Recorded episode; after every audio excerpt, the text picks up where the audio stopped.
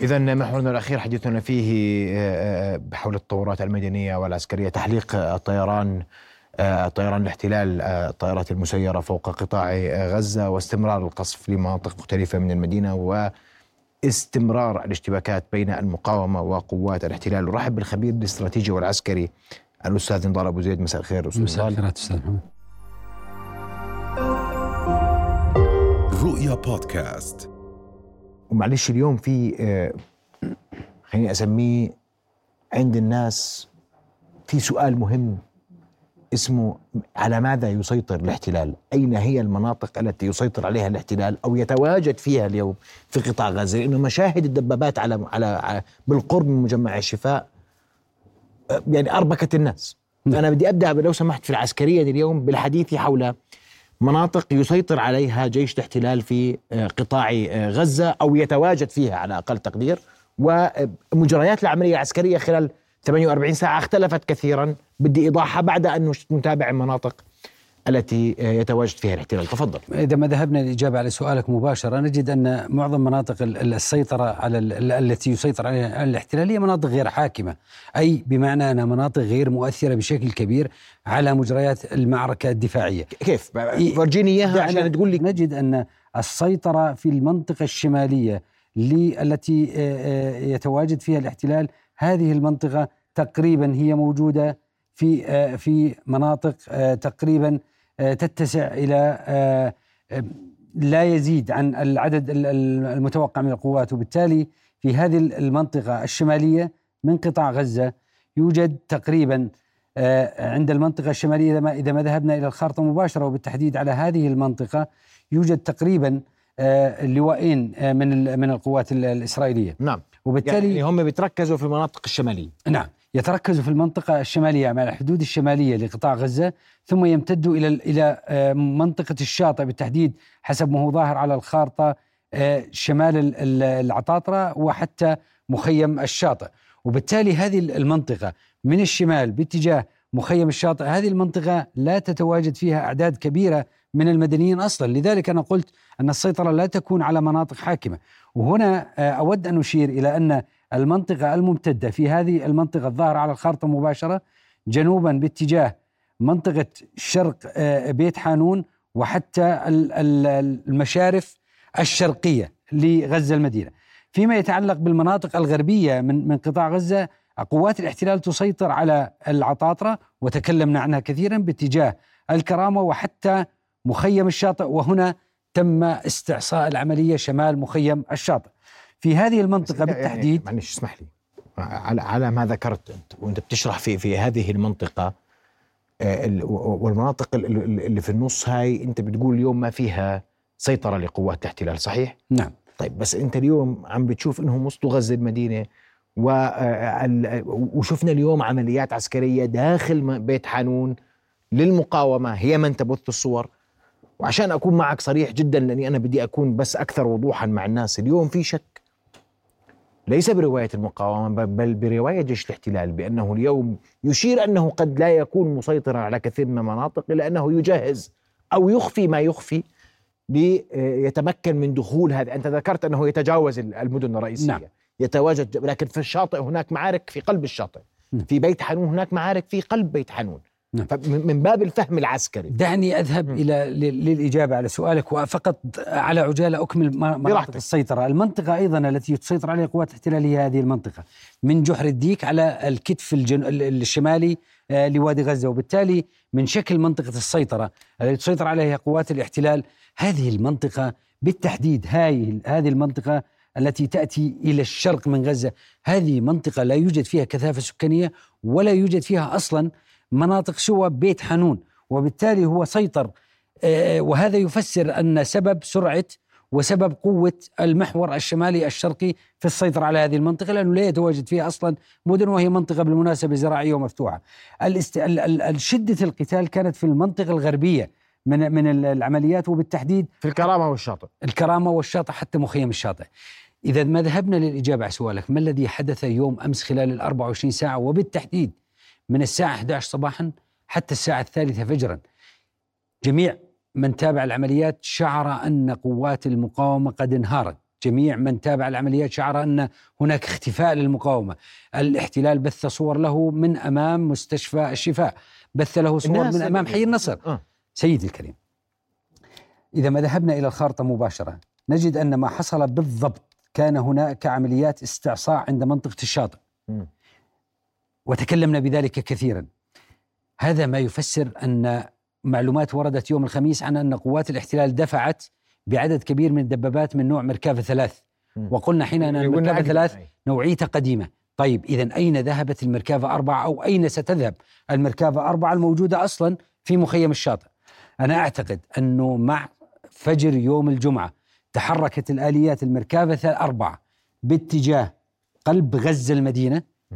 في حين أن المركافة ثلاثة بقيت موجودة داخل أو عند متا... م- تخوم مخيم الشاطئ. هذه مناطق أنت تقول أن الاحتلال يسيطر عليها اليوم آه، أو أو دخلها وتوغل فيها ويتواجد فيها وليس موجود في محيط باقي المدينة، أنت اليوم بتقول من الشاطئ سحب جزءا من قواته نعم.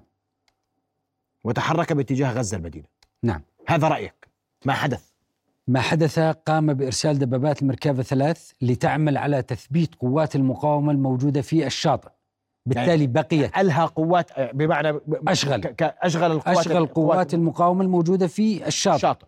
في حين سحب قوات ال- ال- ال- التي المدرعة بالمركبة أربعة وذهب فيها غربا باتجاه غزة المدينة.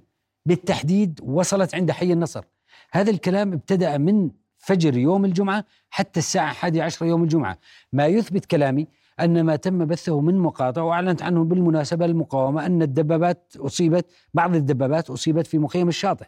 إذا ما رجعنا لهذه المقاطع وهذه الصور نجد أن هذه الدبابات من نوع مركبة ثلاث وليست مركبة أربع. وهو ما يفسر أن هذه الدبابات التي جاءت من خطوط الإمداد اللوجستي وجدت في آه، مخيم الشاطئ لتثبيت قوات المقاومة عند الشاطئ وسحب المركبة أربعة ودفعها باتجاه قلب غزة المدينة بالتحديد عند حي النصر. الآن المقاومة استشعرت هذا الأمر بعد الساعة 11 صباح يوم الجمعة وتركت الأمر جميع المواطنين الذين تابعوا الموضوع شعروا أن المقاومة ذابت. وما عزز هذه ال- الفرضية أن صور كثيرة ظهرت للنازحين على طريق صلاح الدين. ذهبوا من مدينة غزة باتجاه الجنوب. بالتالي ما الذي حدث؟ يبدو أن المقاومة انتظرت مجيء ساعات الليل. وبالتالي بدأنا مع ساعات الليل وبالتحديد الساعة السادسة مساء نسمع عن عمليات اشتباك. الذي حصل يبدو أن المقاومة استطاعت إعطاء مجال لقوات الاحتلال للوصول إلى حي النصر.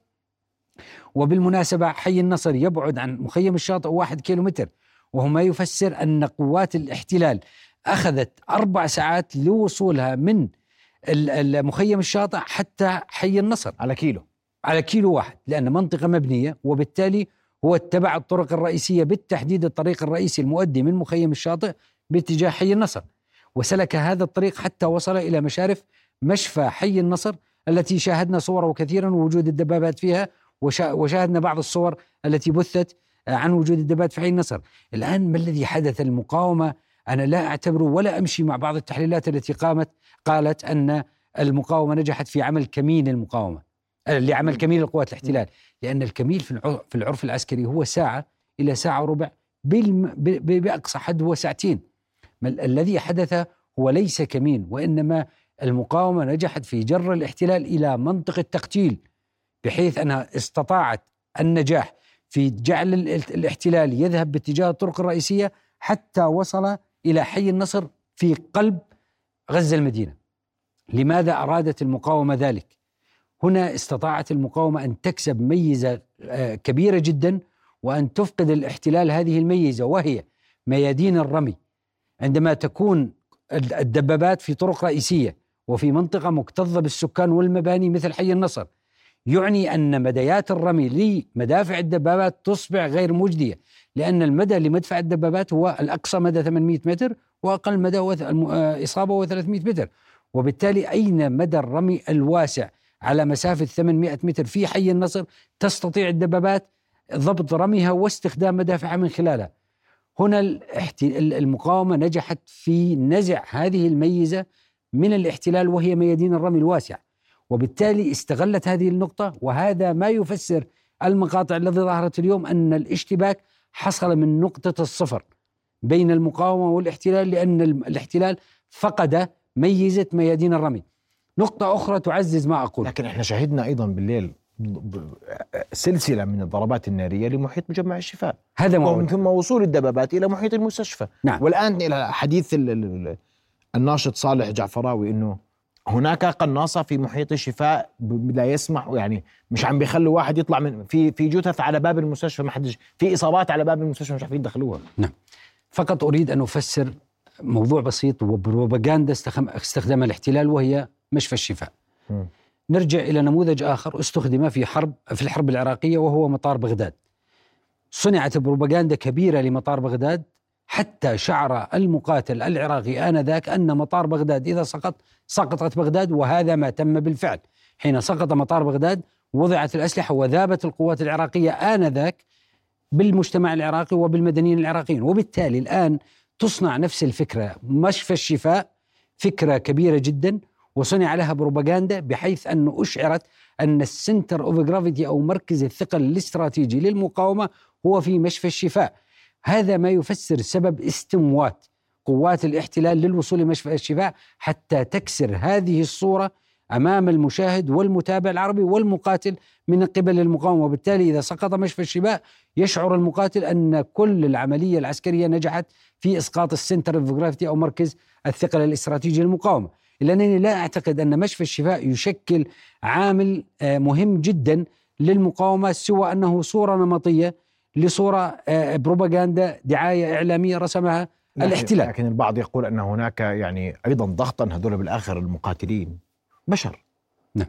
أهلهم في القطاع استهداف المنظومة الصحية لن لن تسمح لهؤلاء بأن يكونوا على وعي وقدرة على القتال كما هم قبل هذا الاستهداف اليوم لما يشوفوا مستشفيات تسقط جرحى لا يمكن علاجهم.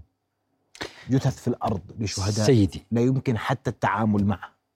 موضوع المقاتل والفترة الزمنية والمدة الزمنية والتزويد هذا قضية جدلية أثارت الرأي أثارت تساؤلات كثيرة على مواقع التواصل وفي المواقع الإخبارية ظهرت بعض التحليلات. أنا قلتها من من شاشة رؤية.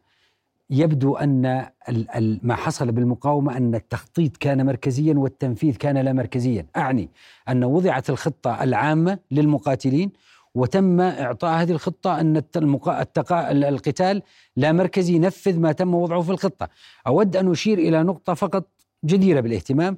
من مساء يوم أمس ومع دخول الليل شاهدنا بكثافة طلقات الإنارة على كل مواقع على كل. القنوات. الذي حصل قوات الاحتلال شعرت بمنطقة التقتيل التي وضعت فيها مدرعات المركافة أربعة ونسبة الخسائر العالية جدا. الذي حصل أن طلقات الإنارة التي ظهرت في المقاطع المصورة هي محاولة محاولة تخليص لقوات الاحتلال الواقعة في كم في في منطقة التقتيل المقاومة وبالتالي أرادوا تخليص هذه القوات المشتبكة. لذلك هذا يفسر سبب اتجاه العمليات ما بعد ساعات تقريبا الساعة 9 إلى الساعة 10 مساء اتجهت العمليات نحو مشفى الشفاء. يبدو أن القوات آنذاك مع طلقات الإنارة حاولت قوات الاحتلال تخليص قواتها من الاشتباك من مسافة صفرية موجود في عين النصر لذلك دفعت هذه القوات باتخاذ الطريق الرئيسي والتوجه إلى مشفى الشفاء وليس البقاء في حي النصر حيث منطقة التقتيل الذي تكلمنا عنه. طب أنا بدي أسألك سؤال اليوم. أنت بتقول لي كل هذا كلام عسكري هناك نزوح باتجاه جنوب القطاع و آه، وأنا بدي أسألك عسكريا اليوم. البعض يتساءل اليوم وصلوا مدينة غزة حاصروا مدينة غزة من بعض آه، مناطقها. وإحنا اليوم بدنا نكون واقعيين هناك فرق في القوة ما بين الطرفين. لكن استمعنا لأبو عبيدة الذي يبث روح معنوية عالية جدا لدينا جميعا بأن المقاومة لا تزال الأرض وهي تقاوم وهي تصيب وهي تستهدف. بس إلى متى يمكن أن تستمر مثل هذه العمليات البرية عسكريا نعم. بهذه الصورة؟ ما حصل يوم الجمعة هو خطة خدعة محكمة كاملة الأركان. حتى غياب أبو عبيدة يوم أمس كان ممنهج لدرجة أن الشا- الشارع تساءل كل الشوارع تساءلت أين الناطق الإعلامي؟ هل ذابت المقاومة آنذاك؟ وبالتالي كنا أمام مشهد خدعة متكامل الأركان نجحت فيه المقاومة بإيقاع قوات الاحتلال في منطقة تقتيل داخل حي النصر مما دفع هذه القوات للاتجاه إلى مشفى الشفاء. إجابة على سؤالك الكريم سيدي. قلنا أكثر من مرة أن القتال لا يزال في أنساق بخطوط عرضانية وبالتالي هذا الخط وهذا التكتيك اتبع من بداية العملية. تقاتل المقاومة على خط ما تلبث أن تنسحب إلى الخط الخلفي وتعطي مجال لقوات الاحتلال للتقدم إلى هذا الخط. ومن ثم تعاود الكر والفر وبالتالي هذه عمليات الكر والفر داخل المدن يتكلف فيها العدو خسائر كبيرة قوات الاحتلال خسائر كبيرة. اليوم سمعنا عن عن رتب عالية جدا وأحدهم كان لواء في الجيش الإسرائيلي وهذه حسب بيانات القوات الإسرائيلية وليست بيانات مقاومة. وبالتالي هذه عملية القتال بنظام الكر والفر اضرب واهرب. التقدم على خط دفاعي ونسق دفاعي ثم الانسحاب إلى الخط الذي يليه وبالمناسبة الخط لا يبعد عن الآخر أكثر من 500 متر، اليوم مساء سمعنا أن قوات الاحتلال لا تزال تقاتل في مساحة 600 متر حول مستشفى الشفاء. بالتالي أعتقد أن المقاومة خلال ال 24 ساعة القادمة ستنسحب قليلا إلى الخلف وتترك العدو قوات الاحتلال لتتقدم باتجاه خطوط على خط مشفى الشفاء ومن ثم نسمع كثيرا عن مفاجآت بالمسافة الصفرية والقتال واستخدام أسلحة الميم دال وبالمناسبة قلنا من حلقتك السابقة أننا قد نسمع عن مفاجآت في آه، آه، آه، أمرين. الأمر الأول مفاجأة في الأسلحة ومفاجأة في المكان. وسمعنا عن دخول أو استخدام سلاح ميم دال مقاومة دروع الكورنيك سلاح جديد اللي هو الكورنكس واستخدمت المقاومة. هذا السلاح ميزته أنه آه، يرمي لمسافات قصيرة وبالتالي استغلته المقاومة لأن أصلا ميادين الرمي قصيرة في المناطق المبنية وخاصة في المنطقة المزدحمة بالمباني والسكان في مدينة غزة.